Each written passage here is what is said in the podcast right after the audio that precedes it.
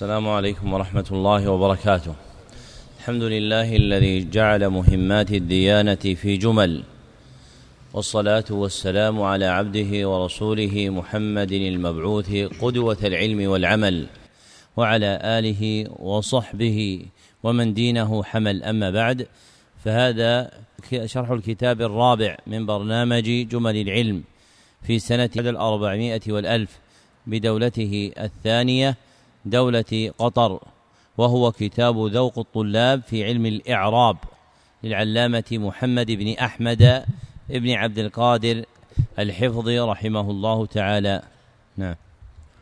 الحمد لله رب العالمين وصلى الله وسلم على نبينا محمد وعلى آله وصحبه وسلم. قال المصنف رحمه الله. قرب اللاقط يوسف. يقول قرب اللاقط منك.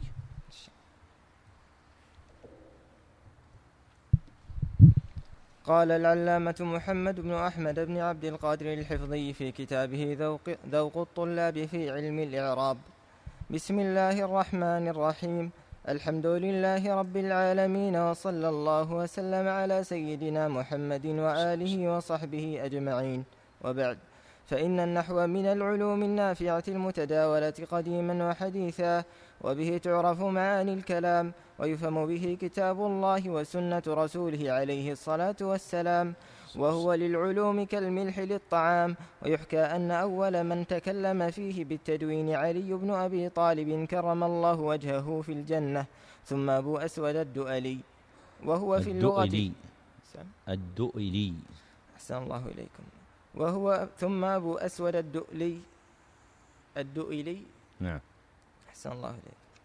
وهو في اللغة بمعنى الشطر والمثل والقصد وغير ذلك وفي الاصطلاح ما يعرف به أحوال الكلمة بناء وإعرابا. وغايته معرفة كتاب الله وسنة رسوله صلى الله عليه وسلم.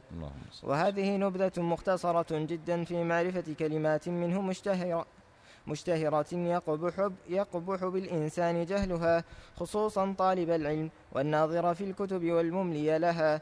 ليخرج من الوعيد في من قال على النبي صلى الله عليه وسلم ما على النبي صلى الله عليه وسلم ما لم يقل. فقد أبتى بعض العلماء أن ذلك يدخل حتى في ألفاظ الحديث وتحريف المنصوب إلى المرفوع وعكسه ونحو ذلك وهذا أوان الابتداء.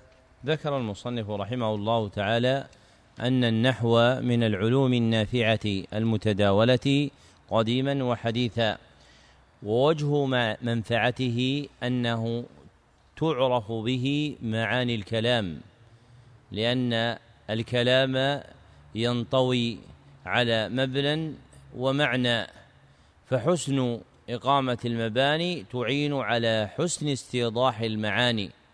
قال ابن فارس الكلام لفظ مفهم فالكلام مؤلف من شيئين أحدهما مبنى هو المشار إليه باللفظ.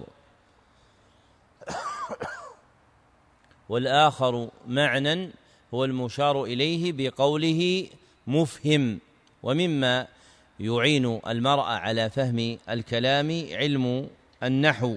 فإذا أقام المرء لسانه هان عليه أن يستمطر المعاني المدخرة في خزائن الكلم لمعرفته بوجوه وروده فاعلا ومفعولا ومخفوضا وغير ذلك من أوضاع الكلام التي تبرز معانيه والجهل بها يغيب معه استفهام تلك المعاني واستيضاحها فمن قصرت معرفته بالنحو كل نظره عن استنطاق معاني الكلام ولم تكن له يد طولا في فهم مقاصد المتكلمين وآكد ذلك ما يحصل للعبد من فهم كلام الله وكلام رسوله صلى الله عليه وسلم. فعلم النحو شديد النفع عظيم الوقع. قد أحسن الكسائي إذ قال إنما النحو قياس يتبع وبه في كل علم ينتفع. فإنه من أصول علوم الآلة التي تشتد الحاجة إليها في كل حين وآن وهي من أعظم الآلات التي تفهم بها معاني الكتاب والسنة فلا غنية عنه. وشهر في كلام الأوائل تشبيهه بالملح فنسبته إلى العلوم كنسبة الملح إلى الطعام فإن العلم الذي يفتقد منه علم النحو بمنزلة الطعام الذي يفتقد منه الملح وهي كلمة قديمة أقدم من أثرت عنه هو عامر بن شراحيل الشعبي رحمه الله تعالى أحد التابعين. رواها عنه الخطيب البغدادي في كتاب الجامع وفي أخبار محمد بن سيرين التابعي المعروف وكانت له معرفة بعلم التعبير أن رجلا جاء إليه فقال إني رأيت في المنام أني أصنع طعاما وأضع فيه ملحا. فقال أنت تشتغل بالعلم وشغلك منه اليوم النحو. قال نعم. فنسبة النحو إلى العلوم كنسبة الملح إلى الطعام والطعام الذي يفقد منه الملح يكون سامجا لا تلتذ به الألسنة في ما يلحقها من طعمه فينبغي أن يجتهد طالب العلم بتوفير نفسه على إصابة حظ منه ليستعين بذلك على فهم معاني كتاب الله وكتاب رسوله صلى الله عليه وسنة رسوله صلى الله عليه وسلم.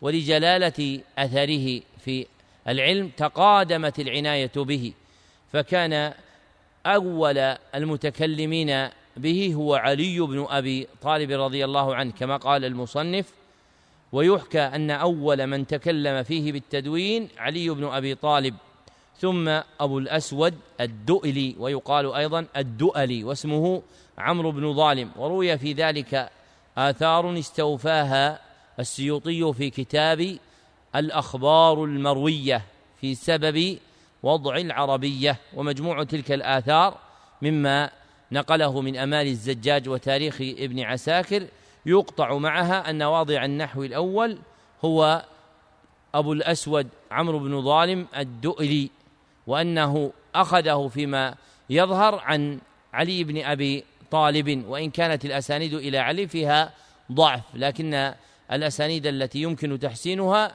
هي التي فيها نسبة النحو إلى عمرو بن ظالم والمقصود بهذه النسبة هي نسبة إيجاده فنا قائما بذاته وأما بالنظر إلى وجوده في ملكات الناس فإن العرب الأولى كانت تتكلم على البديهة نحوا لا تلحن فيه. كما أشار إلى نظيره العلوي في مراق السعود إذ قال ذاكرا أصول الفقه قال أول واضعه أول واضعه في الكتب محمد بن شافع المطلب. وغيره كان له خليقة مثل الذي للعرب من سليقة. والمقصود قوله مثل الذي للعرب من سليقة أي ما كانوا عليه من فصاحتهم وبيانهم وسلامة ألسنتهم من النحو.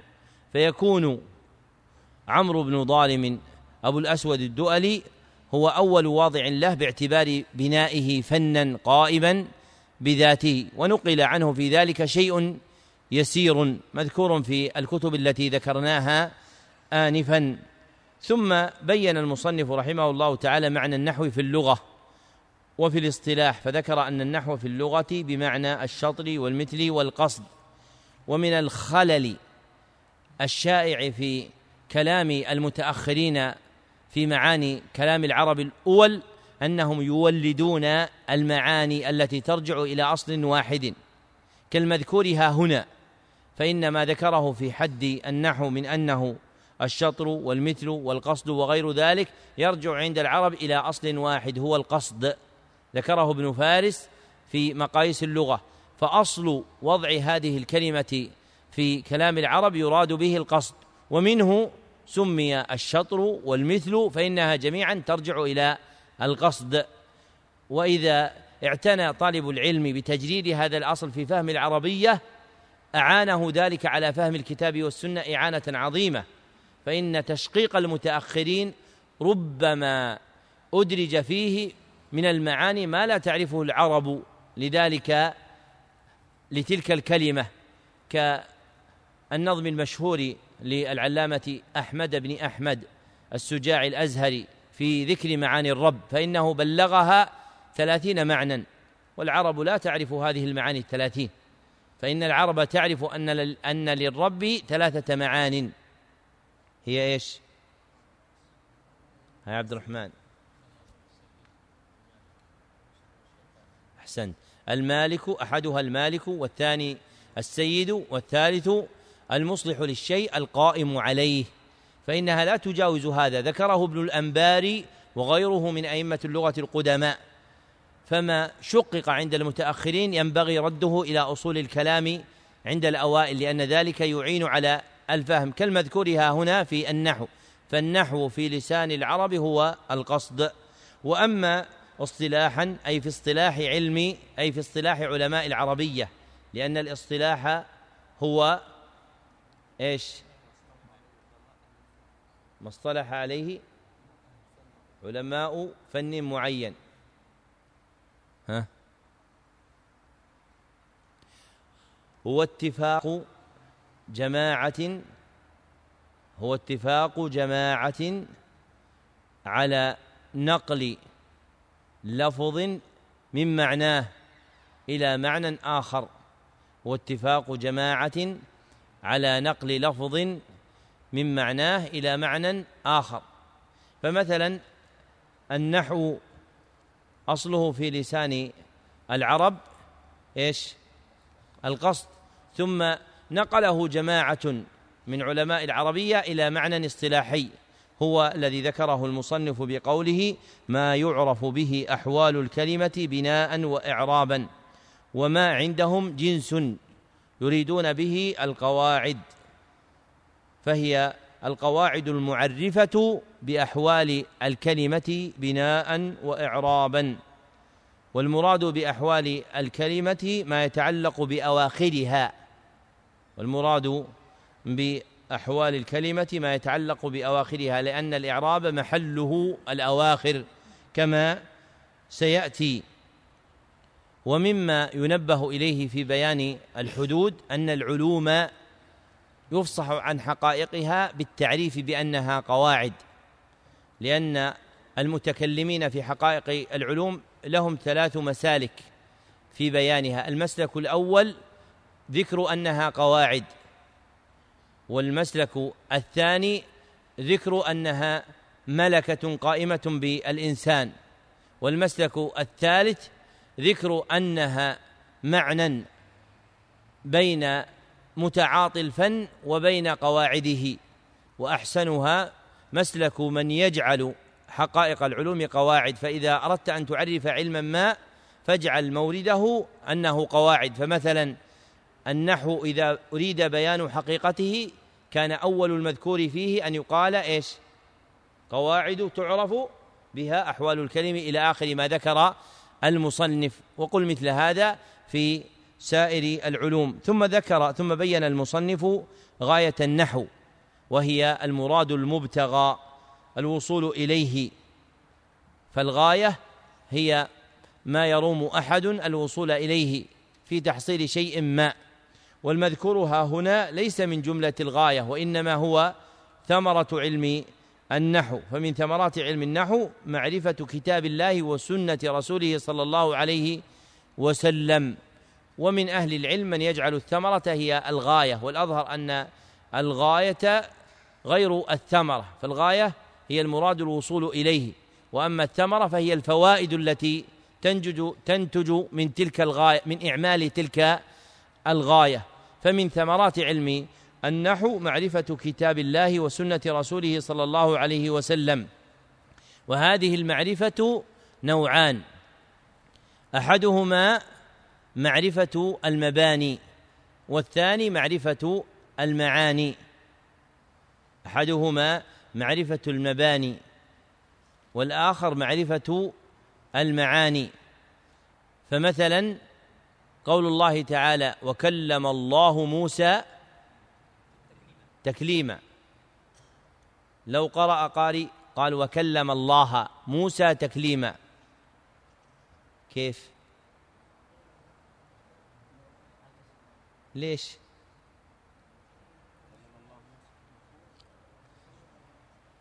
جيبوني من علم العربية لا تجيبوني من علم العقيدة. نسأل في العربية حنا الآن. ها. نحن يا أخوان في مجلس علم الذي يتكلم يشير إلى أنه سيتكلم. نعم يا كيف؟ ما الدليل أنه خطأ؟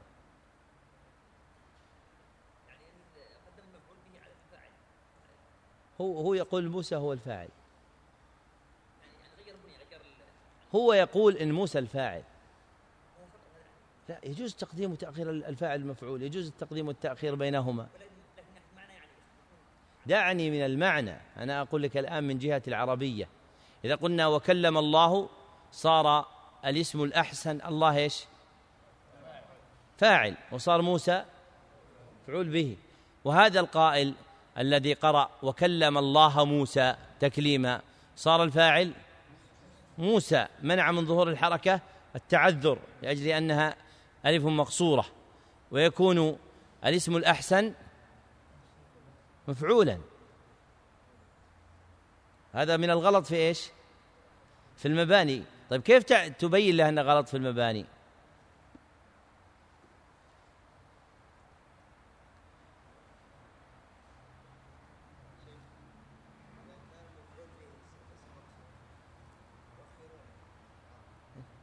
ما يلزم لا ما يلزم. ما يلزم. التقديم والتأخير لا, لا يلزم. قال أحد المبتدعة لأبي عمرو بن العلاء قال الله وكلم الله موسى تكليما. قال فأين تذهب بقوله تعالى وكلمه ربه؟ قال فأين تذهب بقوله تعالى وكلمه ربه؟ لأنه إذا كانت هذه الآية يرد عليها الاحتمال بالانتقال في أحوال الإعراب يعني الآية الأولى فإن قوله تعالى وكلمه ربه صريحة في أن الفاعل المكلم هو من؟ هو الله سبحانه وتعالى. فعلم النحو يعين على معرفة الكتاب والسنة معرفة مباني. فإن الذي يجيد معرفة مبان فإن الذي يجيد النحو ويتقنه لا يجري على لسانه مثل ذلك بل يتبين حقائقه. وإذا كان كلام الله عز وجل فإن بعضه يفسر بعضا حتى في علم العربية فوجوه التقدير أحيانا التي يذكرها يذكرها النحاة تندفع أحيانا بعدم قبول آية أخرى لهذا التقدير الذي يذكرونه. ولذلك الذين يدرسون علم إعراب القرآن دون النظر إلى القرآن كله يجودون وجوها بالذكر لا تقبلها آية أخرى. كما لو قال قائل في هذه الآية أنه يجوز فيها أن يكون فاعل ومفعول مقدم ومؤخر. من جهة النحو ممكن أم غير ممكن؟ ممكن. لكن هذا إذا قطعنا هذه الآية عن سائر القرآن لكن إذا جمعت إليها سائر القرآن وجدت أن هذا الوجه لا يحسن ذكره ولا يصلح ذكره لمخالفته لآية أخرى. هذا النوع الأول معرفة المباني والثاني معرفة المعاني معرفة المعاني. فإن التقديم والتأخير والتقدير يبين وجوها من المعنى لأن الألفاظ قوالب المعاني الألفاظ قوالب المعاني وهذه المعاني تبرز خاصة مع تعاطي علم البلاغة. فمثلا قوله تعالى إياك نعبد إياك نعبد الأصل على الوجه النحوي إيش؟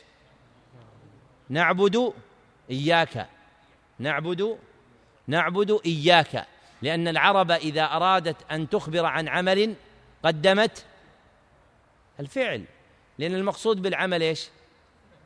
الفعل. لذلك علي رضي الله عنه قال الفعل حركة فيما رواه الزجاج عنه بسند فيه ضعف لما أراد أن يبين بعض مباني مقاصد علم النحو.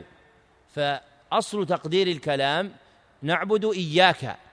فالعدول عن الوجه النحوي المعروف في كلام العرب لا بد أن يكون لمقصد والمقصد هذا استفيد من علم من علم النحو ثم مع البلاغة أن المقصود من تقديم تأخير العامل وتقديم المعمول المقصود منه الحاصر نعبد إياك. ولذلك أقول فائدة ثانية أن هذا الضمير إياك لم يأتي قط في القرآن مفردا إلا في هذه الآية. تعظيما لشأن العبادة والاستعانة.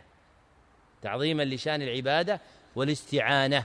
وهذا من النحو لأن الذي يعرف الضمائر المتصلة والمنفصلة ثم يلاحظ مواضعها في القرآن تظهر له كثير من معاني القرآن التي لا ينتبه إليها من لا يعرف العربية. فتعاطي علم فتعاطي علم النحو مما يزيد المرء معرفة بمباني الكتاب والسنة ومعانيهما. ثم ذكر المصنف أن المذكور في هذه الورقات نبذة مختصرة جدا جدا يعني قطعة مختصرة جدا في معرفة كلمات منه مشتهرة. يقبح بالإنسان جهلها لأن اللحن في الإنسان قبيح وسوءه بمنزلة سوء حاله وصورته فكما يستهجن المرء صورة يراها لأحد أو حالا. تعتريه فإن العارف باللسان العربي يستقبح وقوع اللحن ممن لا يحسن منه وقوعه وهم المذكورون في قوله خصوصا طالب العلم والناظر في الكتب والمملي لها فإن هؤلاء لا يحسن منهم اللحن والمراد بالمملي لها يعني إيش؟ إيش؟ خصوصا طالب العلم والمطالع لها والمملي لها. إيش؟ الشيخ.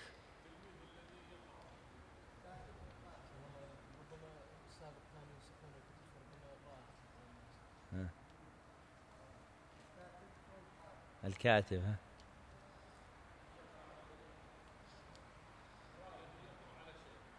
الذي يقرأ؟ الشيخ أنت من أين؟ ها أحسنت. ما شاء الله هذا الاصطلاح عندكم لأني أعرفه في نواحي اليمن فأهل اليمن يسمون سرد التلميذ على الشيخ إملاء. فتجده يذكرون في ترجمته يقول أملى على شيوخه كذا وكذا وكذا. فيمقصود من ممليا لها يعني قارئا للمصنفات على شيخه وهذا من وجوه الإملاء الصحيحة. ثم قال ليخرج من الوعيد في من قال على النبي صلى الله عليه وسلم ما لم يقل فقد أفتى بعض العلماء أن ذلك يدخل حتى في ألفاظ الحديث وتحريف المنصوب إلى المرفوع وعكسه ونحو ذلك. فمن أهل العلم من يرى أن اللحن في الكلام ولا سيما ما أثر عن النبي صلى الله عليه وسلم أنه يدخل في جملة الكذب البخاري. قال حدثنا المكي بن إبراهيم عن يزيد بن أبي عبيد عن سلامة بن الأكوع أن النبي صلى الله عليه وسلم قال من يقل علي ما لم أقل فليتبوأ مقعده من النار. ومن أهل العلم من يرى أن من جملة هؤلاء من يلحن في كلامه. قال العراقي وليحذر اللحان والمصحف على حديثه بأن يحرف فيدخل في قوله من كذب فحق النحو على من طلب.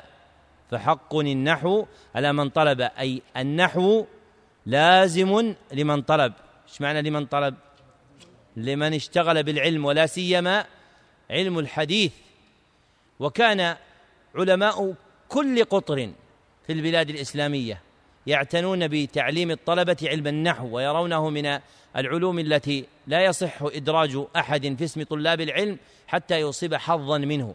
أما أن يكون ديدانه اللحن فإن هذه هجنة قبيحة لا تحسن بمن يعبر عن خطاب الشريعة فخطاب الشريعة له كمال ومما يظهر كماله أن يكون المتكلم معبرا عنه ملازما العربية ما استطاع إلى ذلك سبيلا واليوم مهما أوتي أحدنا مكنة في علوم العربية ربما وقع في لحن لأن العادة غالبة. فإن غالب الكلام المذكور في ألسنتنا اليوم هو الكلام العام بلهجاتنا المحلية فصار حائلا بيننا وبين الإعراب التام عن كلام العربي الأول. لكن لكن أشد ما ينبغي العناية به هو أن يكون كلام المعلم المعبر عن العلم في درسه أو إفتائه أو غير ذلك على الوجه الأتم ما استطاع إلى ذلك سبيلا. لأنه يعبر عن خطاب الشريعة في مما يزيدها بهاء وقوة وكمالا أن يلتزم قوانين النحو وقواعده. نعم. أحسن الله إليكم. أحسن الله إليكم. قال المصنف رحمه الله الكلمة قول مفرد وضع لمعناه والكلم قول مركب لم يتم به المعنى. والكلام هو اللفظ المركب. تسمعون الأخوان في الأخير؟ ما يسمعون يا يوسف. أحسن الله إليكم. الكلمة قول مفرد وضع لمعنى والكلم قول مركب لم يتم به المعنى والكلام هو اللفظ المركب المفيد. وأقسام الكلام اسم وفعل وحرف ولا رابع لها فالاسم كل ذات والفعل حركتها. والحرف ما ليس بذات ولا حركة. ابتدأ المصنف رحمه الله تعالى ببيان حقيقة الكلمة لأن علم النحو مبني عليها. وقد تواطأ المصنفون في علم النحو على الابتداء بباب الكلام لأنه أصله الأصيل وركنه الأثيل. فالكلام المذكور بعده مفرع عليه ومبني ومشيد على ما يتصور منه. فقال المصنف الكلمة قول مفرد وضع لمعنى فهي قول مفرد مجعول لمعنى. وذكره للقول دون اللفظ مما استحسن منه لأن اللفظ عند أهل العربية نوعان. أحدهما لفظ مستعمل وهو المسمى قولا لفظ مستعمل وهو المسمى قولا والآخر لفظ مهمل لفظ مهمل ولا يسمى قولا ولا يسمى قولا مثالهما زيد وديز. مثالهما زيد وديز. فزيد لفظ مهمل أم مستعمل؟ مستعمل لأنه يدل على ذات مشخصة فهو علم دال على ذات مشخصة. وأما ديز فهو لفظ مهمل لأنه لا يدل على شيء والحقيق بالعناية عند النحاة هو اللفظ المستعمل الذي يسمى قولا. ولذلك قال المصنف الكلمة قول مفرد وضع لمعنى أي جعل دليلا على معنى. ثم قال والكلم قول مركب لم يتم به المعنى. فالفرقان بين الكلم والكلمة هو وجود التركيب في الكلم ووجود الإفراد في الكلمة. فالكلمة مفردة والكلم مركب أي يتركب من عدة أنواع من أنواع الكلمة ولا يتم به معنى. وأما الكلام فإنه مركب يتم به معنى ولذلك قال والكلام هو اللفظ المركب المفيد أي تحصل به فائدة يحسن السكوت عليها ويتم بها المعنى. وقوله المفيد يغني عن ذكر التركيب لأن المركب عند النحاة نوعان أحدهما مركب يتم به معنى ويسمى مفيدا. مركب يتم به معنى ويسمى مفيدا وهو الذي يوصف به الكلام. والآخر مركب لا يتم به معنى. مركب لا يتم به معنى. فإذا قيل الكلام لفظ مركب مفيد أي يحصل بتمام التركيب معنى فهو مركب خاص يختص بالإفادة. أما المركب الذي لا يفيد فإنه لا يسمى كلاما وإنما يسمى وإنما يسمى كلما.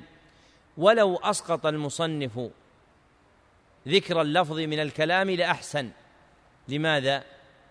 لأن اللفظ يقع على المهمل وعلى المستعمل وهم يريدون المستعمل فقط. فلو قال الكلام قول مفيد لكان وافيا لأن الإفادة تتضمن التركيب وزيادة لأن الإفادة تتضمن التركيب وزيادة فهو مركب على وجه يفيد.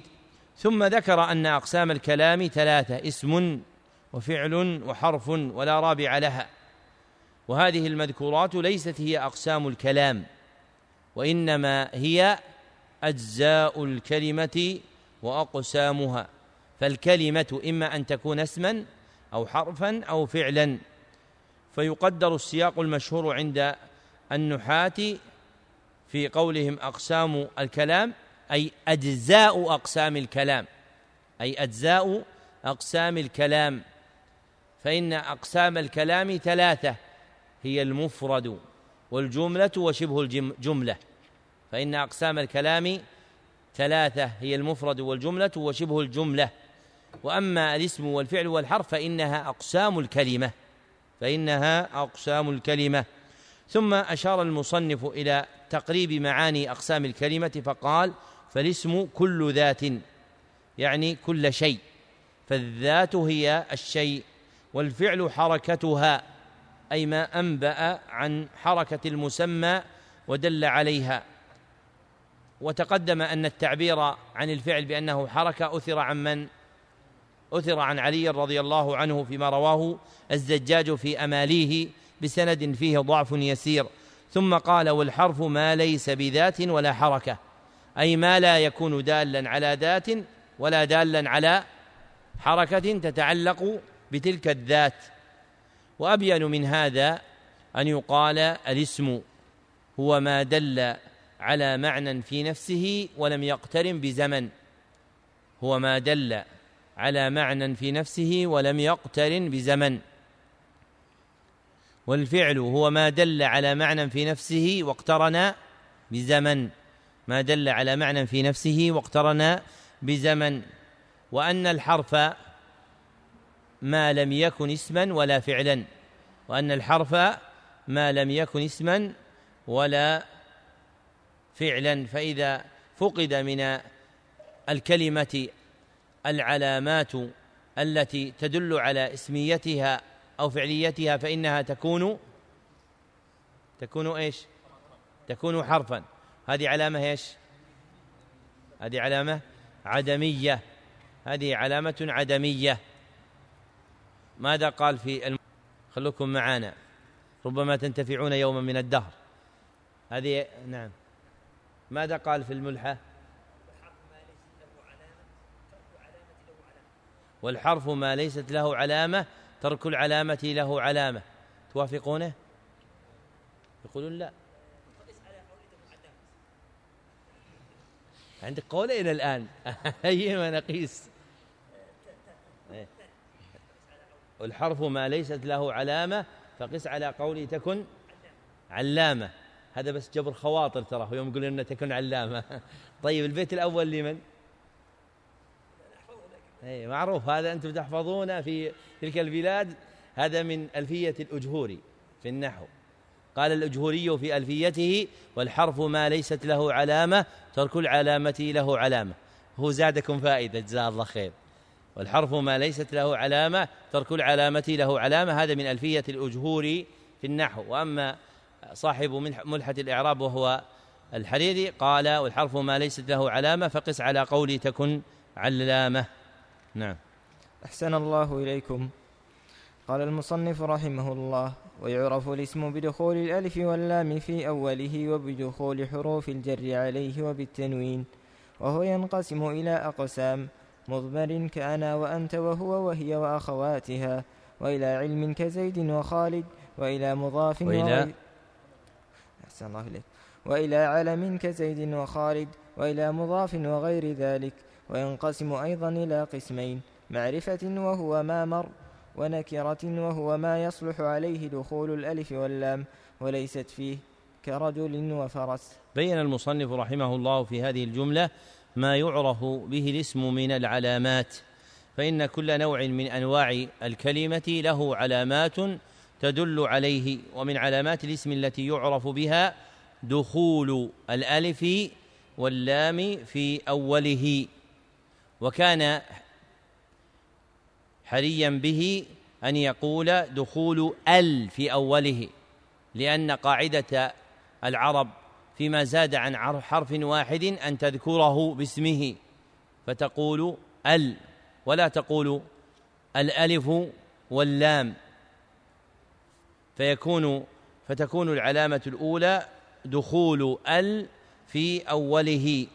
والمراد بأل المذكورة المراد بأل المذكورة ال المفيدة للتعريف المفيدة للتعريف. واستحسن السيوطي وغيره من محقق النحاة أن يقال دخول أداة التعريف عليه دخول أداة التعريف عليه لأمرين. أحدهما اختلاف النحاة في تلك الأداة هل هي ال أم الألف أم اللام؟ فإذا قيل ال بقي كم قول؟ قولان لا يندرجان لكن إذا قيل دخول أداة التعريف دخل كل قول من هذه الأقوال. والآخر ليش؟ نعم. إيش؟ أحسنت. لتندرج أم الحميرية لتندرج أم الحميرية التي هي بمنزلة ال. وفي الحديث عند أحمد قال حدثنا عبد الرزاق عن معمر عن الزهري عن صفوان بن عبد الله عن أم الدرداء عن كعب بن أبي عاصم الأشعري رضي الله عنه أن النبي صلى الله عليه وسلم قال ليس من ام بر أم صيام في أم سفر. البر والصيام والسفر. إيش درجة هذا الحديث؟ ها؟ لا ما قلنا ليس من البر الصيام في السفر. قلنا إيش؟ أم بر أم صيام في أم سفر. هذا الحديث رجاله ثقات لكن ضعفه بعضهم لأن اللغة المشهورة في الصحيحين ليس من البر الصيام في السفر. وهذا غلط في التضعيف لأن هذا من الرواية بالمعنى. فإن كعب بن أبي عاصم أشعري والأشعريون من بلاد اليمن. أشعريون من بلاد اليمن وهي لغتهم فرواه بالمعنى. أشار إلى ذلك الخطيب في الكفاية وابن حجر احتمالا في التلخيص الحبير وهو المتحقق. فتكون هذه الرواية رواية بالمعنى مع صحة إسنادها لكن المعروف في لغة النبي صلى الله عليه وسلم هو لفظ ليس من البر الصيام في السفر. والمقصود إثبات أم الحميرية وهي معروفة في أشعار العرب. فحينئذ تكون العلامة المذكورة هي دخول إيش؟ أداة التعريف. تكون دخول أداة دخول أداة التعريف على الكلمة. فإذا دخلت أداة التعريف عليها صارت اسم أم فعل أم حرف؟ صارت اسما. ثم ذكر علامة ثانية للاسم فقال وبدخول حروف الجر عليه. وسيأتي في موضع آخر ذكر هذه الحروف. والجر عند النحاة هو الكسرة التي يحدثها العامل أو ما ناب عنها. الكسرة التي يحدثها العامل أو ما ناب عنها. فمثلا إذا قلت مررت بالمسجد فالكسرة اللاحقة لكلمة المسجد تسمى إيش؟ جرا. تسمى جرا. في القول المشهور عند النحاة وفي ذلك بحث ليس هذا محله. لكن المقصود أن تعرف أن المشهور عند النحاة أن الجر هو الكسرة التي يحدثها العامل أو ما ناب عنها. ثم ذكر علامة ثالثة للاسم وهي علامة التنوين. والتنوين عندهم نون ساكنة. نون ساكنة تلحق آخر الاسم لفظا. تلحق آخر الاسم لفظا وتفارقه خطا و إيش؟ لا دعنا من غير توكيد. التوكيد ما يحتاج له في الأسماء.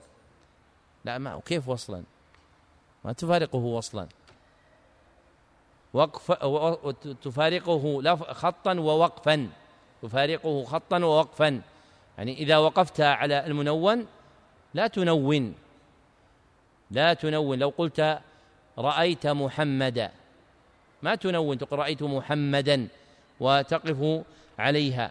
ويدل عليها بتضعيف الحركة. ويدل عليها بتضعيف الحركة. فمثلا المنون المضموم تكون عليه كم ضمة؟ ضمتان. والمنصوب تكون عليه فتحتان.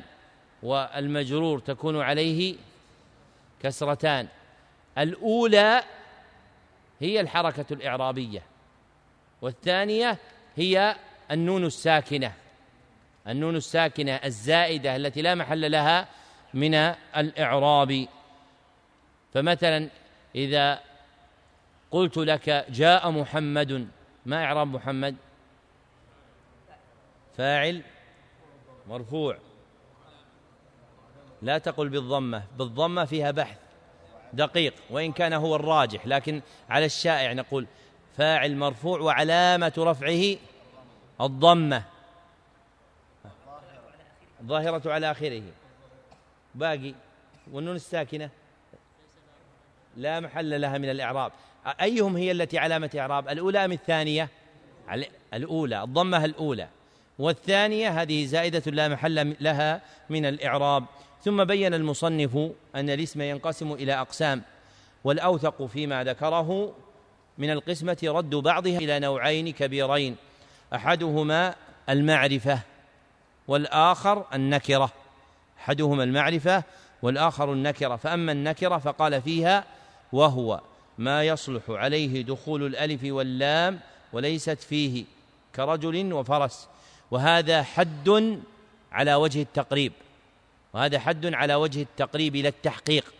ذكره ابن آج الرام في مقدمته النحوية فيراد به تقريب المعنى للمتلقي. والنكرة عند النحاة كل اسم شائع في جنسه الذي دل عليه. كل اسم شائع في جنسه الذي دل عليه. فرجل شائع في جنس الرجال وفرس شائع في جنس خلها الأفراس. خلها الأفراس. ثم ذكر المصنف المعرفة بتعديد أنواعها. والمعرفة خمسة أنواع. أولها الاسم المضمر. كأنا وأنت وهو وهي إلى آخره. والثاني الاسم العلم. كزيد وخالد. والمقصود بالاسم العلم ما وضع لمعين بلا قيد. ما وضع لمعين بلا قيد. وثالثها الاسم المبهم كالأسماء الموصولة الذي والتي وأسماء الإشارة هذا وهذه. طيب لماذا سميت أسماء مبهمة؟ ها؟ لا كيف لا تدل على شيء؟ قلت هذا الرجل يحسن النحو ما تدل عليك.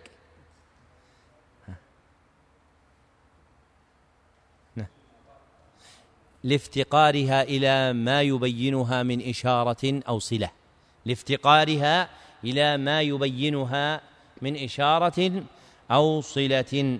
ورابعها الاسم المحلى بأداة التعريف. الاسم المحلى بأداة التعريف. كالرجل والفرس وخامسها المضاف إلى واحد من هذه الأنواع المتقدمة. المضاف إلى واحد من هذه الأنواع المتقدمة. فالمعرفة اصطلاحا فالمعرفة اصطلاحا هي اسم مضمر هي اسم مضمر أو علم أو مبهم. اسم مضمر أو علم أو مبهم أو معرف بأداته. أو معرف بأداته أو مضاف إلى تلك الأنواع أو مضاف إلى تلك الأنواع.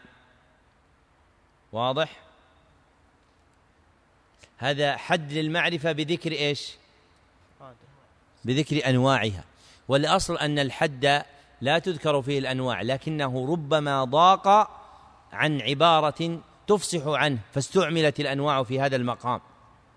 ولذلك الحدود نحن لا نريد نستطرد لكن بعض المقامات تقتضي الحدود. هل هي مبينة حقائق الأشياء مصورة لها أو مميزة لها عن غيرها؟ مبينة يعني تكشف عنها تدل عليها. ومميزة يعني تفصلها عن غيرها. وربما لم تفي ببيانها. مميزة.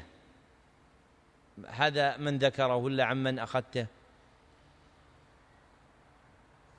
فراسة منك وافقت الصواب. الصحيح من قولي علماء العقليات أن الحدود تميز الأشياء ولا تبينها لأن الإحاطة بكلمة تبين حقيقة الشيء تكاد تنعدم في اللغة لأن الترادف إما معدوم في اللغة أو قليل. وهو في خطاب الشرع معدوم على الصحيح. وأما في غيره فالأشبه أنه قليل. فلذلك فإن الحدود تميز حقائق الأشياء ولا تبينها. وهو اختيار أبي العباس ابن تيمية الحفيد. بسطه رحمه الله تعالى في كتاب الرد على المنطقيين. هذا كتاب بعض الناس يحسبه ظن الرد على أهل المنطق. هذا مو بصحيح الرد على المنطق. هذا رد على مسائل في المنطق. من هذه المسألة الكبيرة في حقيقة الحد. هل الحد مبين أو مميز؟ والصحيح أن الحدود مميزة لحقائق الأشياء غير مبينة لها من كل وجه.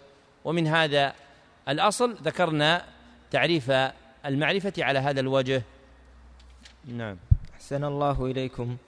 قال المصنف رحمه الله والإعراب هو تغيير أواخر الكلم لأجل دخول العوامل عليه.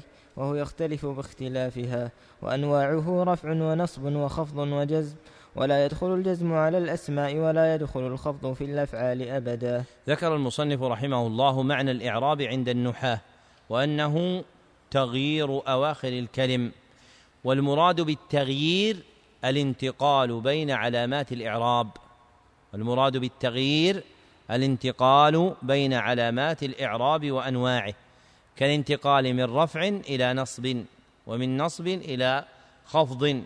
وهذا التغيير محله أين؟ أواخر الكلم. إما حقيقة أو حكما. إما حقيقة أو حكما. فإذا قلنا جاء المسلم فإن الضمة التي على آخر الكلمة التغيير فيها حقيقي أم حكمي؟ حقيقي. وإذا قلنا جاء المسلمون. أين محل الإعراب؟ الواو. حكمي أم حقيقي؟ حكمي. لأن آخر الكلمة إيش؟ حرف النون. هذا ما قبل الأخير. فيكون حكما لا حقيقة. ثم بين المصنف أن هذا التغيير المتعلق مرده إلى الكلم. وألف الكلم عهدية. إذ لا يراد أنه يدخل على جميع أنواع الكلم. وإنما يدخل على الاسم والفعل المضارع الذي لم يتصل بآخره. نون التوكيد أو نون الإناث. وإنما يراد به الاسم والفعل المضارع الذي لم يتصل بآخره. نون التوكيد أو نون الإناث. فهذان النوعان هما اللذان يجري فيهما الإعراب. وأما البقية فيجري فيهما فيها البناء وهو لزوم حركة مع اختلاف العوامل الداخلة على الكلمة. وقلنا نون الإناث دون نون نون النسوة. لماذا؟ نعم. أحسنت. لأن من جنس الإناث ما ليس من الإنس المعبر عن إناثه بالنسوة وهي نون تعم النسوة وغيرهن من الإناث. والعوامل التي يقع التغيير بسببها كما ذكر المصنف لأجل دخول العوامل عليه المراد بها مقتضى الإعراب. فالعوامل جمع عامل والعامل هو المقتضي للإعراب هو المقتضي للإعراب. فمثلا المسلم مرفوع. في المثال المتقدم جاء المسلم مرفوع. ما عامله؟ الفعل جاء جاء. فلما دخل عليه صار حركته المسلم الضم. وإذا دخل عليه عامل آخر ربما تغير إعرابه. فإذا قلت مررت بالمسلم تغيرت حركته فصار مجرورا لاختلاف العامل الداخل عليه. وهو هنا حرف الجر. ثم ذكر المصنف أن الإعراب أربعة أنواع أولها الرفع وهو تغيير علامته الضمة أو ما ناب عنها. الرفع وهو تغيير علامته الضمة أو ما ناب عنها. وثانيها النصب وهو تغيير علامته الفتحة أو ما ناب عنها. تغيير علامته الفتحة أو ما ناب عنها. وثالثها الجر ويسمى الخفض أيضا. وهو تغيير علامته الكسرة أو ما ناب عنها. ورابعها الجزم وهو تغيير علامته السكون أو ما ناب عنها. تغيير علامته السكون أو ما ناب عنها. طيب كيف تكون كيف يكون السكون علامة؟ وهو ليس حركة.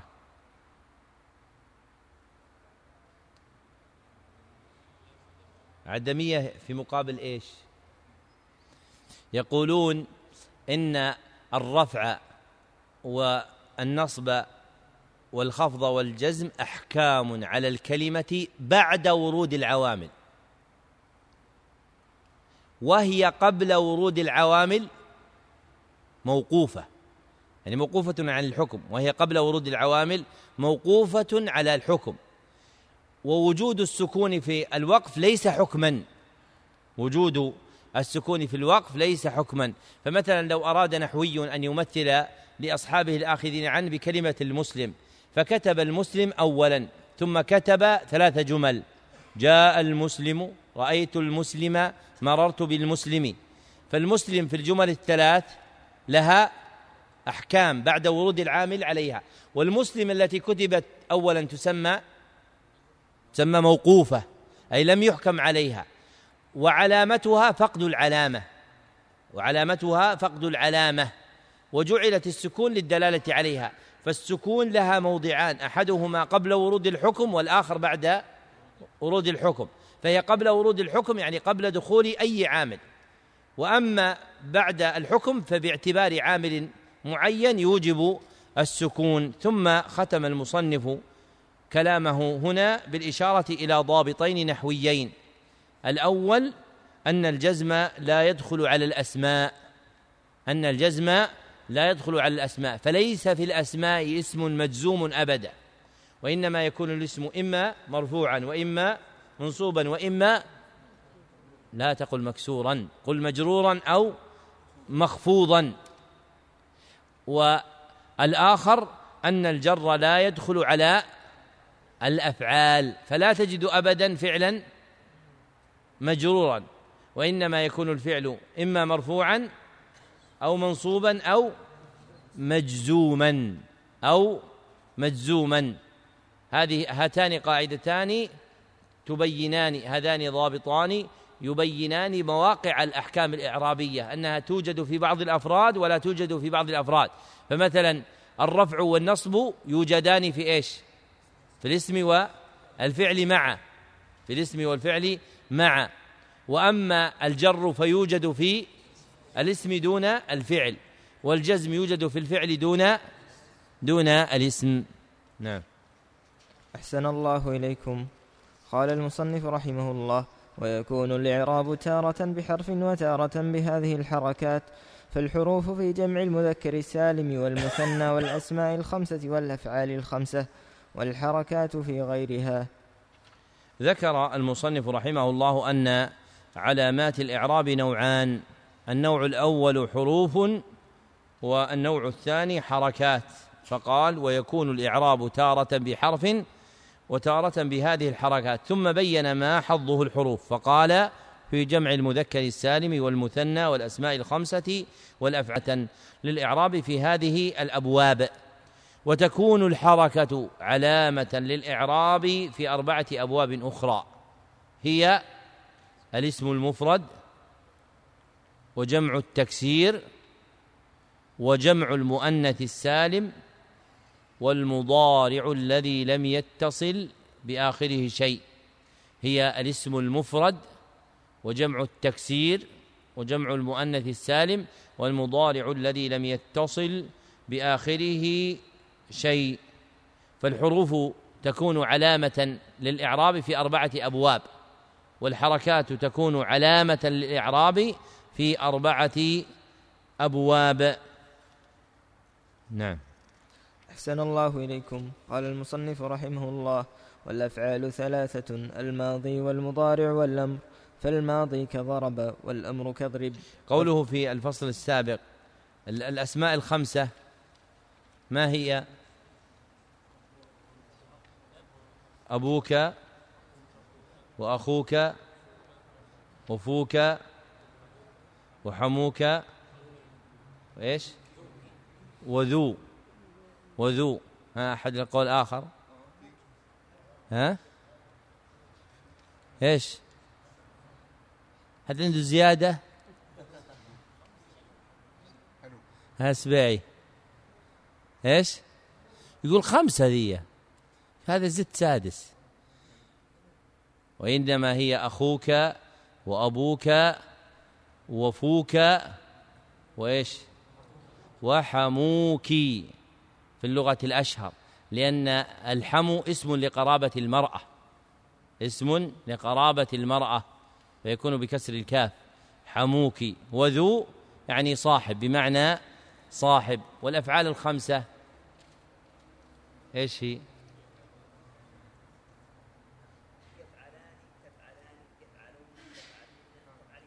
طيب اضبطها بضابط. كل فعل مضارع اتصل؟ ألف الاثنين أو الجماعة؟ أو ياء المخاطبة أو ياء المخاطبة. لكن الحذاق كابن هشام والأزهري لا يقولون خمسة يقولون ستة.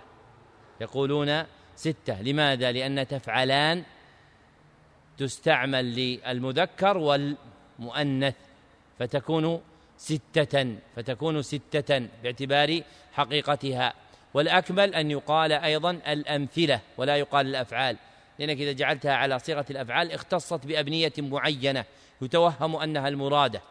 والأولى أن يقال الأمثلة الستة. نعم. أحسن الله إليكم. قال المصنف رحمه الله والأفعال ثلاثة الماضي والمضارع والأمر فالماضي كضرب والأمر كضرب والثالث المضارع وهو ما أوله أحد الحروف الأربعة الزوائد. وهي الهمزة والنون والياء والتاء.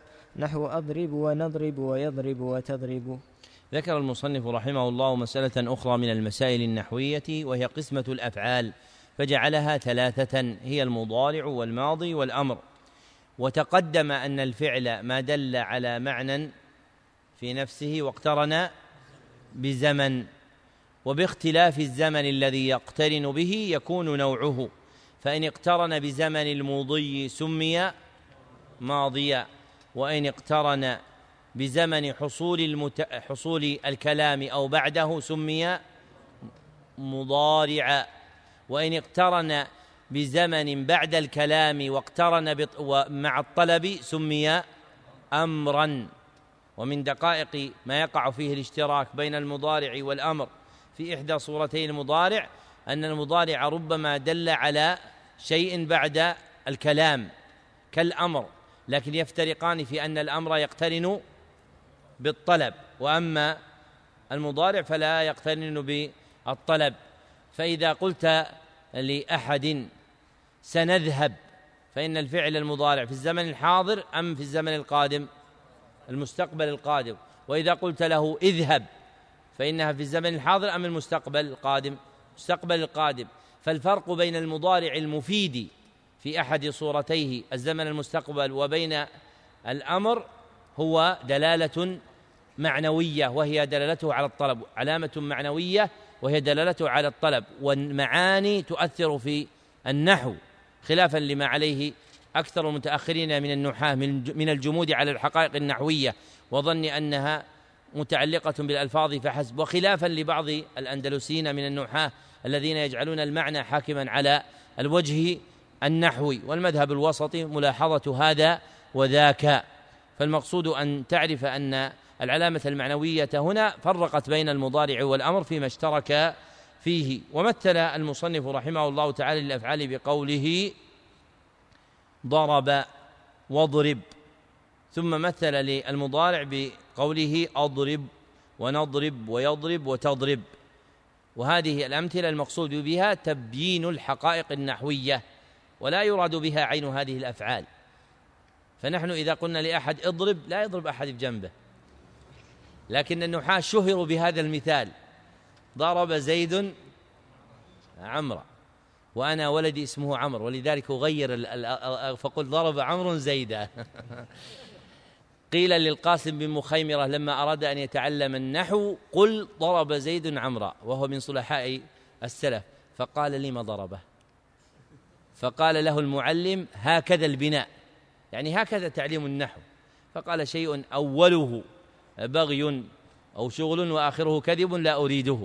وقالها على وجه الاستملاح لا على وجه إرادة الحقيقة فليس حجة لمن يبغض النحو. ومن يبغض النحو لو قرأ كتابا ما نامت عينه لو قرأ كتاب الصعقة الغضبية على منكر علم العربية للطوفي إن كان له قلب حي ما نامت عينه. أنت من شنقيط؟ من شنق من علماء شنقيط المختار بن بونة صاحب الإحمرار. وهذا الرجل كان بطاشا في مبتدأ عمره غير مشتغل بالعلم.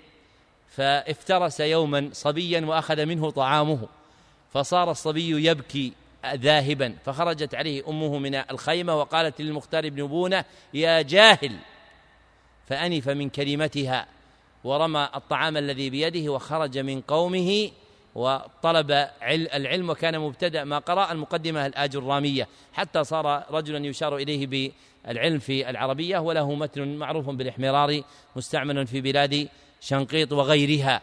فهذا الرجل أبت عليه حرارة الحمية والأنفة أن يكون جاهلا كما دعته هذه المرأة فتعلم علم العربية.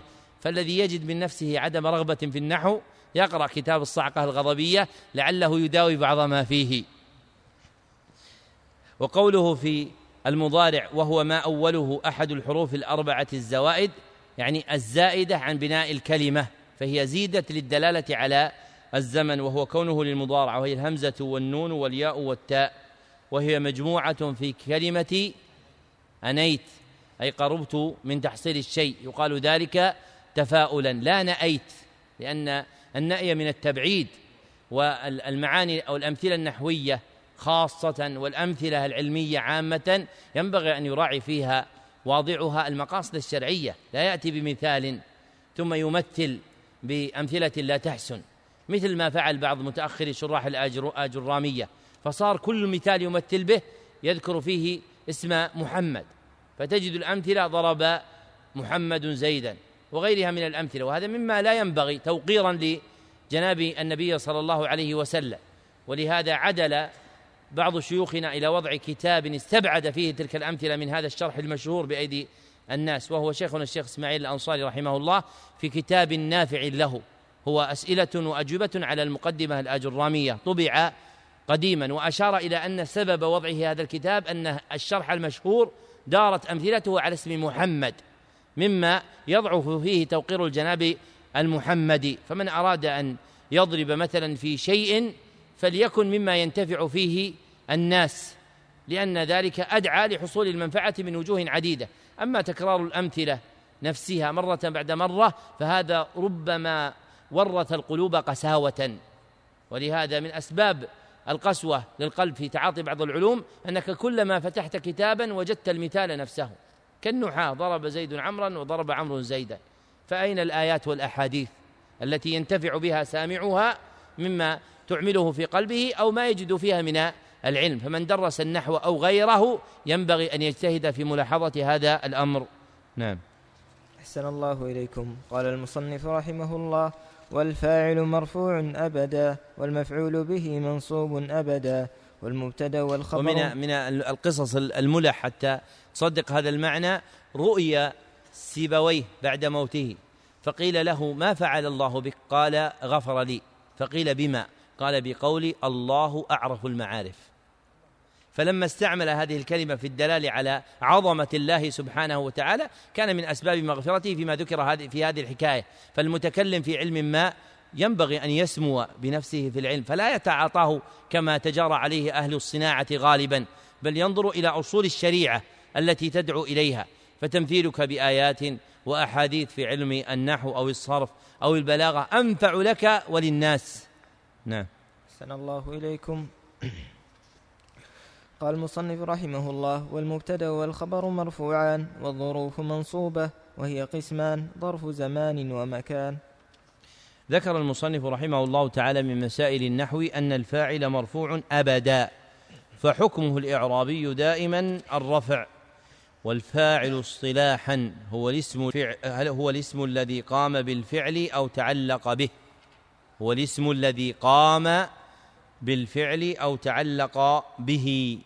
ثم ذكر أن المفعول منصوب أبدا فحكمه الإعرابي دائما النصب والمفعول به هو الاسم الذي يقع عليه الفعل هو الاسم الذي يقع عليه الفعل. ثم قال رحمه الله والمبتدأ والخبر مرفوعان فحكمهما دائما الرفع. والمبتدأ هو الاسم العاري عن العوامل اللفظية هو الاسم العاري. يعني الخالي عن العوامل اللفظية والخبر هو الاسم المسند إليه. والخبر هو الاسم المسند إليه أي إلى المبتدأ. ثم ذكر المصنف أن الظروف منصوبة وهي قسمان ظرف زمان وظرف مكان. والظرف عند النحاة هو اسم زمان أو مكان يقدر على معنى في هو اسم زمان أو مكان يقدر على معنى في. فمثلا إذا قلت رأيت محمدا رأيت محمدا تحت كذا وكذا فإن تحت ظرف مكان أو يوم كذا وكذا. فإن ظرف زمان. فإن الفعل المذكور يقدر على معنى في يعني يستكن فيه معنى في. وتارة يكون حقيقة وتارة يكون حكما. نعم. أحسن الله إليكم. قال المصنف رحمه الله وأما العوامل التي تدخل على الكلمة فيقع بسببها الإعراب من رفع ونصب وخفض وجزم. فسأملي عليك منها أعدادا نافعة للإنسان مصلحة للسان. أولها حروف الجر تدخل على الأسماء فتجرها وهي من وإلى وعن وعلى وفي ورب والباء والكاف واللام وحروف القسم وهي الواو والباء والتاء. ذكر المصنف رحمه الله مسألة أخرى من المسائل النحوية وهي أن العوامل التي تدخل على الكلمة فيقع بسببها الإعراب من رفع ونصب وخفض وجزم سيذكر منها أعدادا نافعة للإنسان مصلحة للسان. وتقدم أن العامل هو المقتضي للإعراب. أن العامل هو المقتضي للإعراب يعني المنتج للحكم النحوي. فمن العوامل ما يوجب الرفع الذين يتكلمون يخفضون صوتهم. فمن العوامل ما ينتج الرفع ومنها ما ينتج النصب ومنها ما ينتج الخفض ومنها ما ينتج الجزم. وابتدأ المصنف بأولها وهو حروف الجر. وتقدم أن الجر هو إيش؟ هو الكسرة أو ما ناب عنها.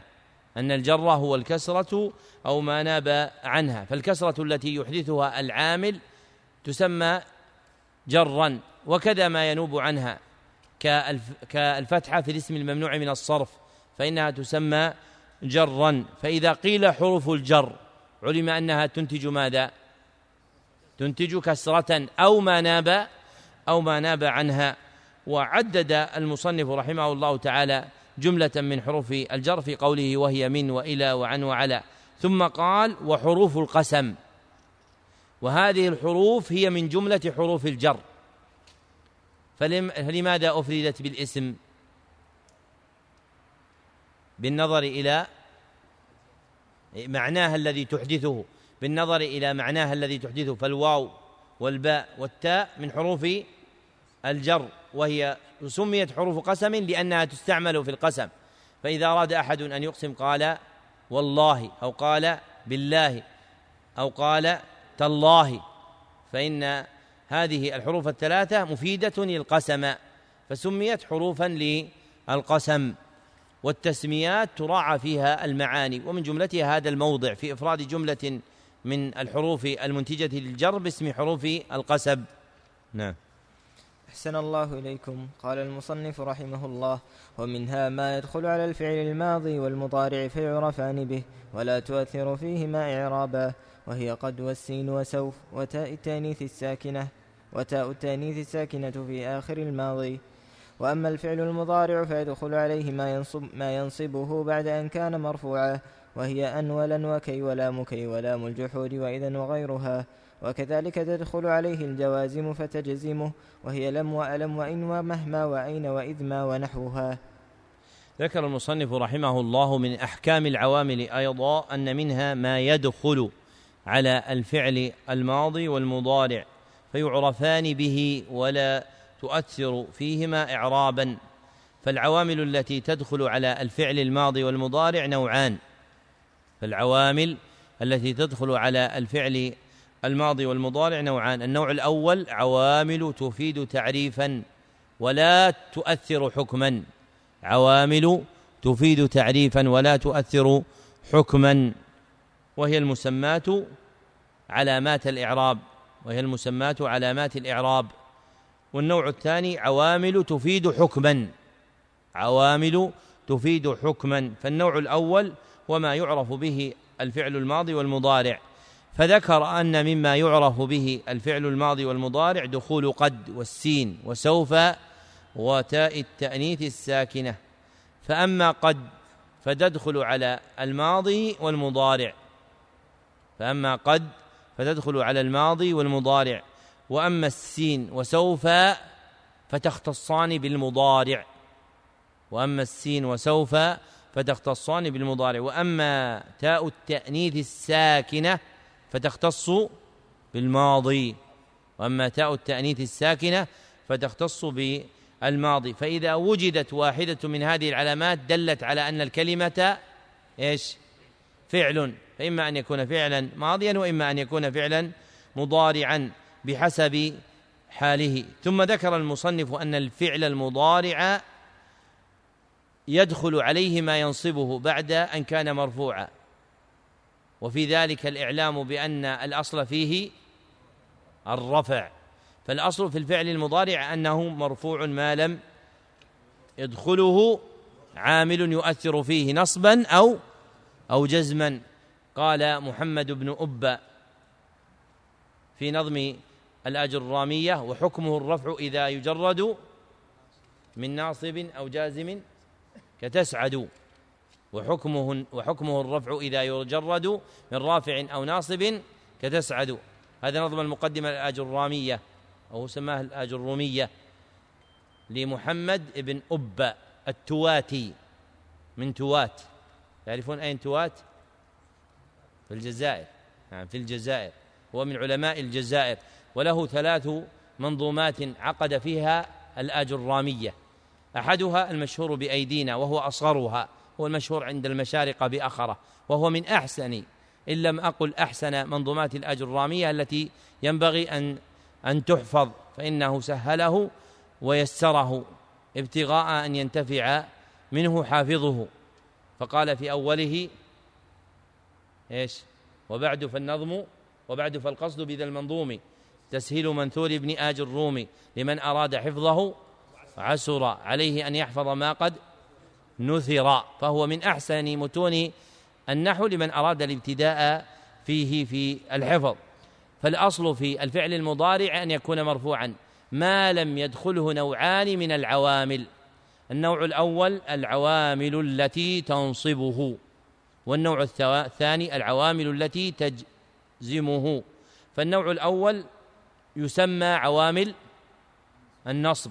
فالنوع الأول يسمى عوامل النصب. فإذا دخل على الفعل المضارع نصبه كما قال فيدخل عليه ما ينصبه بعد أن كان مرفوعا وهي أن ولن وكي ولام كي وتسمى لام التعليل. وقد تكون للعاقبة أو زائدة. فلا تختص بالتعليل لكنه أشهر معانيها. ولام الجحود والمقصود بلام الجحود لام النفي المسبوق بكا بما كان أو لم يكن. النفي المسبوق بما كان أو لم لام النفي المسبوق بلا بما كان ولم يكن. فمتى دخل واحد من هذه الحروف أفاد نصبا على الفعل المضارع. والنوع الثاني عوامل الجزم كما قال وكذلك تدخل عليه الجوازم فتجزمه فتجزمه وهي لم وألم إلى آخره. والجزم كما تقدم تغيير. إيش؟ إيش؟ تغيير بالسكون أو ما ناب عنها. تغيير بالسكون أو ما ناب عنها.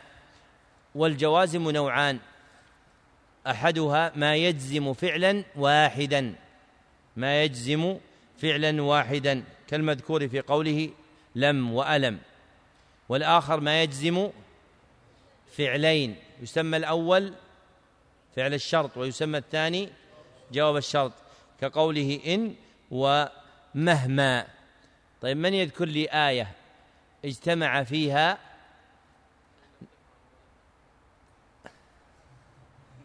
جزاك الله خير. هذا جاء بالجواب قبل السؤال لأننا في زمن السرعة. هو أجاب جزاه الله خير. فإن لم تفعلوا ولن تفعلوا. فجمع في هذه الآية بين النصب والجزم وهذا من محاسن القرآن الكريم. لذلك قد تأتي آية واحدة مثل بسم الله الرحمن الرحيم. بسم الله الرحمن الرحيم آية. تأتي آية واحدة تجمع بابا من النحو. هذه هذه ماذا جمعت؟ أنواع نعم أنواع المخفوضات أنواع المخفوضات الجر بالحرف وبالإضافة والتبعية.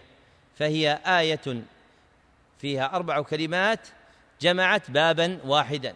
والقرآن والسنة فيهما من علوم النحو شيء كثير. بل قال ابن القيم رحمه الله تعالى كلمة تدمي قلوب العارفين بالنحو. قال إن في القرآن والسنة من علوم النحو ما لم تطلع عليه شمس النحاة هذه كلمة عظيمة لمن مازج علم النحو لكن من عرف جلالة الكتاب والسنة أيقن بذلك.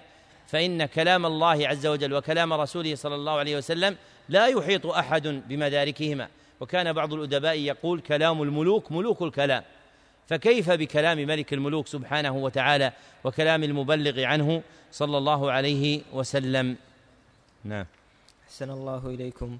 قال المصنف رحمه الله ويدخل على المبتدأ والخبر المرفوعين كان وأخواتها فترفع المبتدأ وتنصب الخبر وهي كان وليس وأخواتها وكذلك تدخل عليهما إن وأخواتها فتنصب الاسم وترفع الخبر وهي إن وأن وكأن وليت ولعل ولكن وكذلك ظننت وحسبت وأخواتها تدخل عليهما فتنصب, فتنصب المبتدأ والخبر على أنهما مفعولان لها.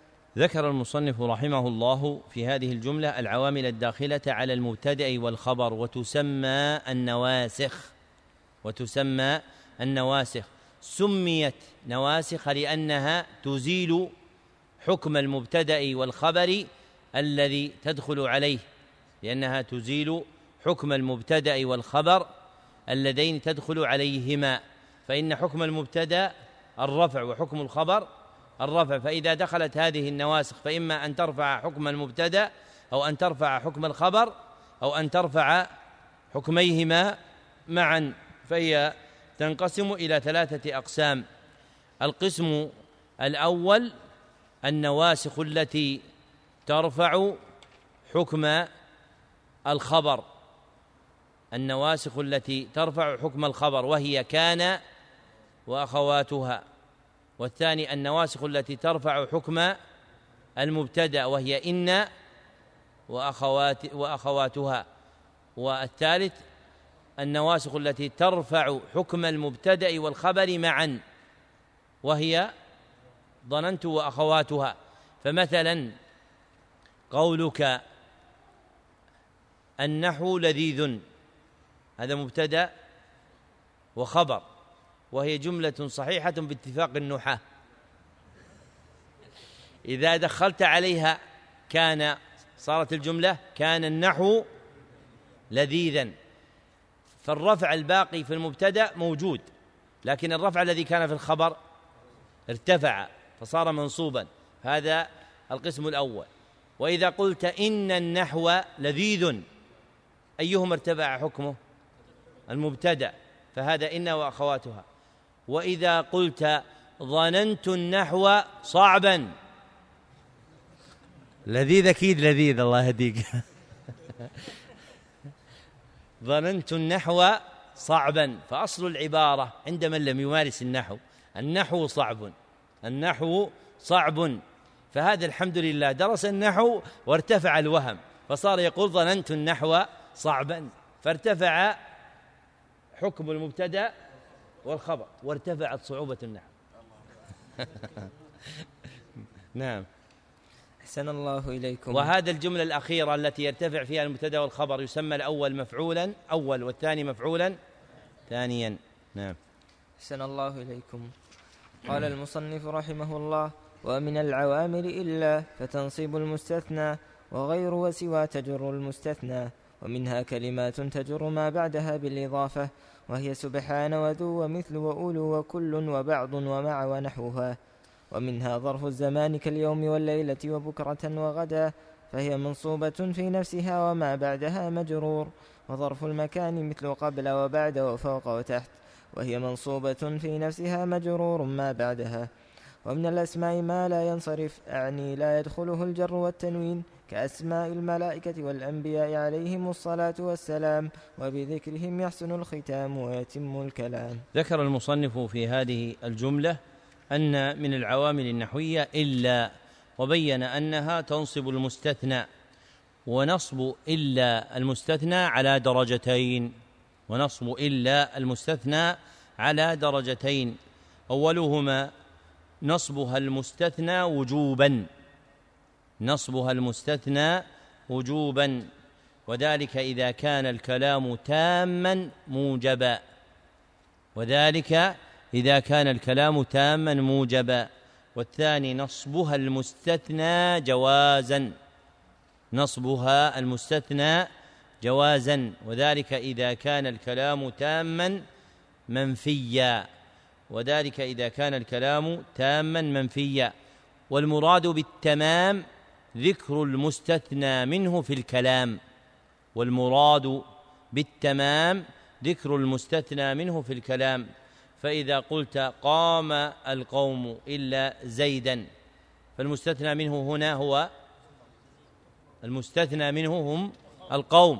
وإذا قلت ما قام القوم إلا إلا زيدا فصار فيصير المستثنى منه هو القوم فالكلام في كليهما تام أم غير تام؟ تام. لكنه تارة كان موجبا يعني مثبتا وتارة كان منفيا. فإذا كان تاما موجبا وجب النصب. قام القوم إلا زيدا. قام القوم إلا زيدا. وإذا كان الكلام تاما منفيا ما قام القوم إلا زيدا أو زيد. يجوز فيه النصب وإعمال العامل فيه وهو هنا مفيد للرفع. فتقدير الكلام قام زيد فيكون مرفوعا أيضا على وجه ثان. ثم ذكر أن غير وسوى من أدوات الاستثناء أنها تجر ما بعدها.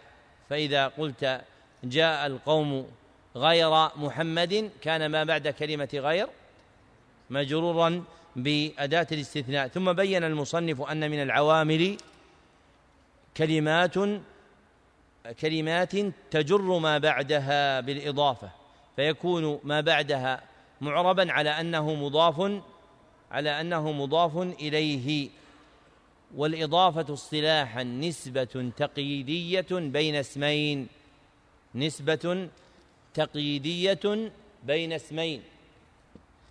فعلى هذا لا تكون بين اسم وفعل ولا بين اسم وحرف ولا بين فعل وفعل ولا بين فعل وحرف ولا حرف وحرف وإنما تكون نسبة تقييديه بين اسمين. كقولك هذا كتاب الله فكلمة فجملة كتاب الله هي إضافة. فأضفت الكتاب إلى من؟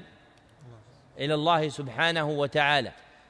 فيكون الاسم الأحسن. الله إعرابه إيش؟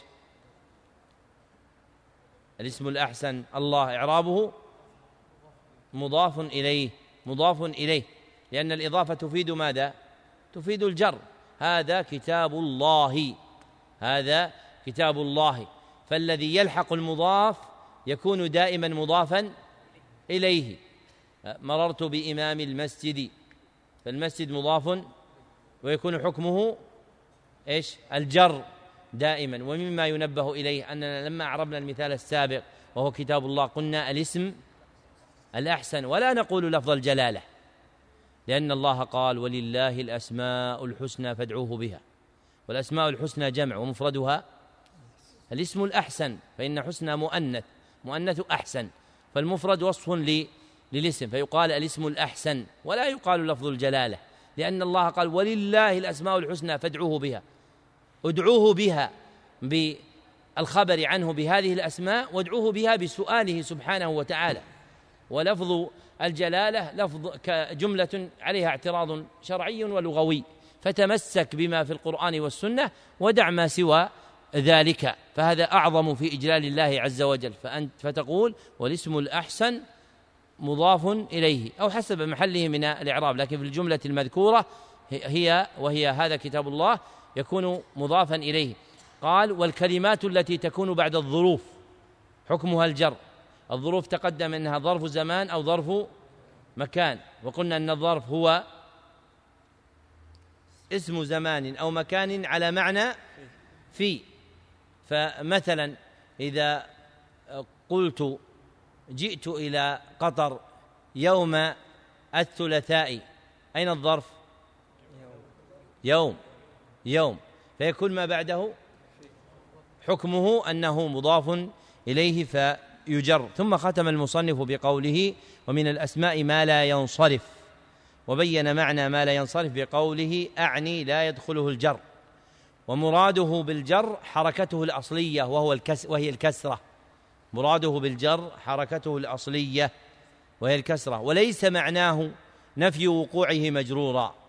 وليس معناه نفي وقوعه مجرورا فإنه يكون مجرورا لكن علامته الفتحة. كقولك مررت بأحمد. مررت بأحمد. فإن أحمد اسم ممنوع من الصرف لعلتين وهما العلمية ووزن الفعل. فحينئذ يقال بأنه اسم مجرور لكن ليست علامة جره الكسرة وإنما الفتحة لأنه ممنوع من الصرف. وهذا هو الذي أراده المصنف بقوله أعني لا يدخله الجر يعني لا تدخله حركته الأصلية وهي الكسرة وإنما ينوب عنها ما يقوم مقامها وهي حركة الفتحة.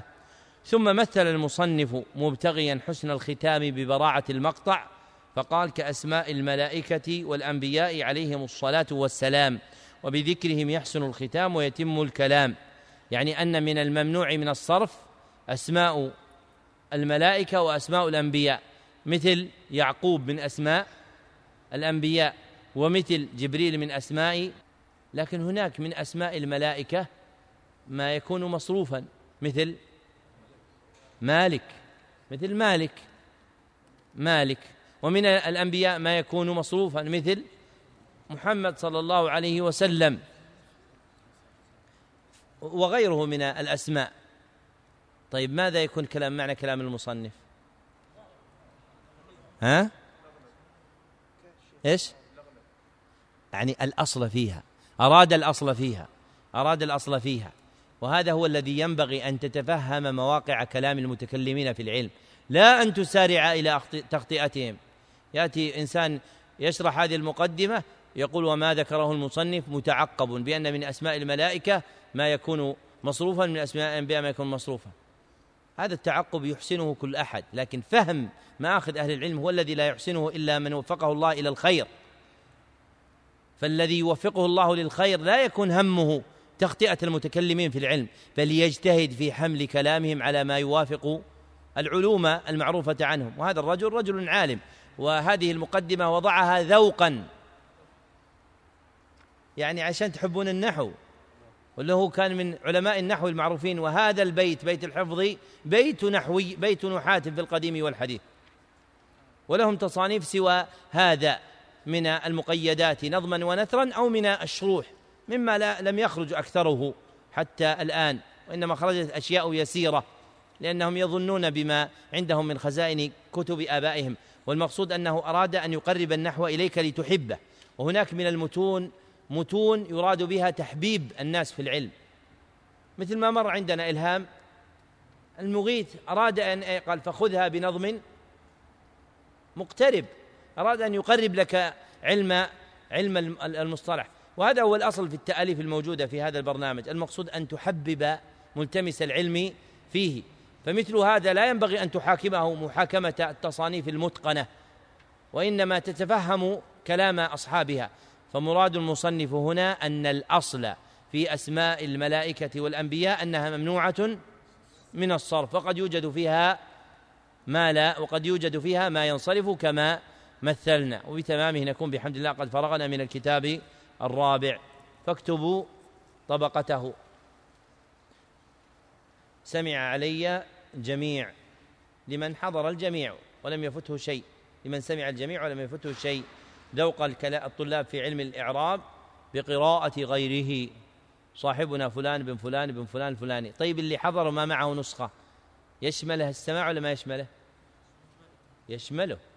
يشمله. لكن قال ابن معين حضور مجلس بلا نسخة ذل.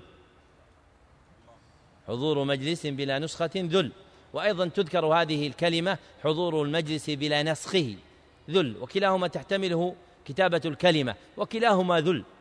الذي يحضر لا ينسخ لا يسجل الفوائد يذل لأنه يفتقر ربما لغيره. والذي يحضر بلا نسخة يذل لأنه يذهب عليه علم كثير وهو يوسل عينيه تارة يمينا وتارة شمالا ابتغاء أن يصيب السماع معرفة ما يقرأه القارئ. آه، صاحبنا فلان بن فلان بن فلان فتم له ذلك في مجلس واحد من الميعاد المثبت من نسخته وأجزت له روايته عني إجازة خاصة من معين لمعين بإسناد المذكور في بوارق الأمل لإجازة طلاب الجمل والحمد لله رب العالمين. كتبه صحيح ذلك. وكتبه صالح بن عبد الله ابن حمد العصيمي ليلة الخميس الحادي عشر من ربيع الآخر ولا يقال الثاني من ربيع الآخر سنة أربع وثلاثين بعد الأربعمائة والألف بعد الأربعمائة والألف بجامع عمر في جامع عمر بن الخطاب بمدينة الدوحة. غدا إن شاء الله تعالى الكتاب الذي بعد الفجر القول السديد وهو كتاب قرأه شيخي على شيخه في مدينة الدوحة قبل أكثر من ستين سنة. ونعيده إن شاء الله تعالى إلى الدوحة بعد هذه السنين الستين. وفق الله الجميع لما يحب الحمد لله رب العالمين. والصلاة والسلام على عبد رسوله محمد وآله وصحبه أجمعين. والسلام عليكم ورحمة الله وبركاته.